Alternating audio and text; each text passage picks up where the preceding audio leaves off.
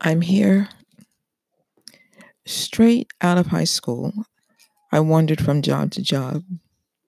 Within 3 months, I went from shampooing dogs to packing vestments for the Catholic Church to telephone operator to file clerk. My one thought looking for a job was, I guess I could do that. Years passed, then there was that job in the bank. I sat at a desk right outside a huge vault in the bank's basement. My job was to make sure customers signed certain papers before they went into the vault where safe deposit boxes held their valuables. One day my supervisor stopped at my desk and asked, "Are you all right? Why are you crying?" "I'm not crying," I said, but I felt my face. Tears were coming down in quiet streams. It was like I had sprung a leak somewhere. Allergies, I told her. It's my allergies. She came back with a box of tissues and placed it on my desk. I dabbed my eyes and looked at that yawning black hole of a vault behind me. A pamphlet fell to the floor. Apparently, it had gotten mixed in with papers to be filed. The pamphlet was advertising a college for women. The faces on the cover were so bright and confident I could barely stand to look at them. Explore your talents, develop your skills, chart your career. Call today, speak with a counselor, read the words at the bottom of the pamphlet. Over the next couple of weeks, the pamphlet stayed in my desk drawer. Finally, I called the number on the pamphlet and I made an appointment to see a counselor. The counselor asked, What was I good at? Any thoughts on what you like to be? To be? I couldn't answer. She said, Not to worry. There were basic courses I had to take anyway before I focused on one area of study. So I enrolled.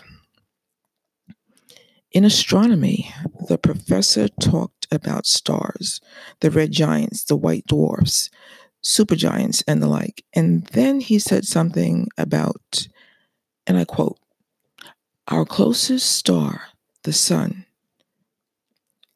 What in the world was he talking about?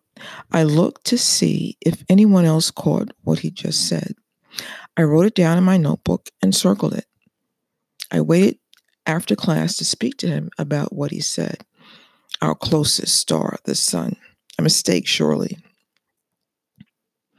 The sun is a star. I had never heard this before. In grade school, we made a diagram with a big yellow ball in the middle and wrote the word sun next to it, and then we made circles around it to place the planets. There was never a mention of the sun being a star. The professor kept talking, but I couldn't hear one word.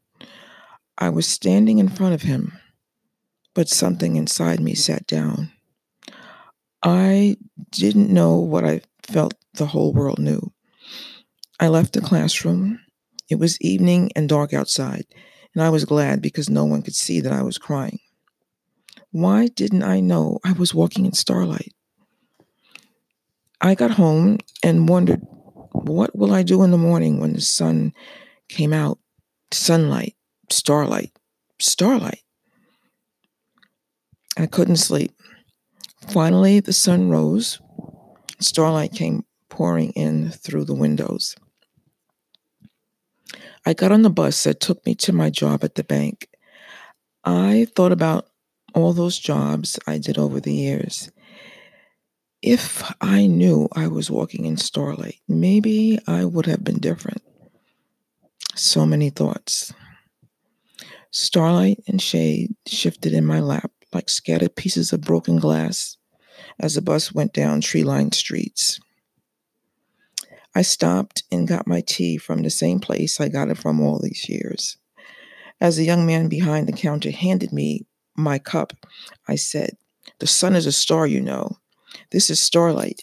And I waved my hand around. "This is starlight." Special people walk in starlight, like you. I got to my job.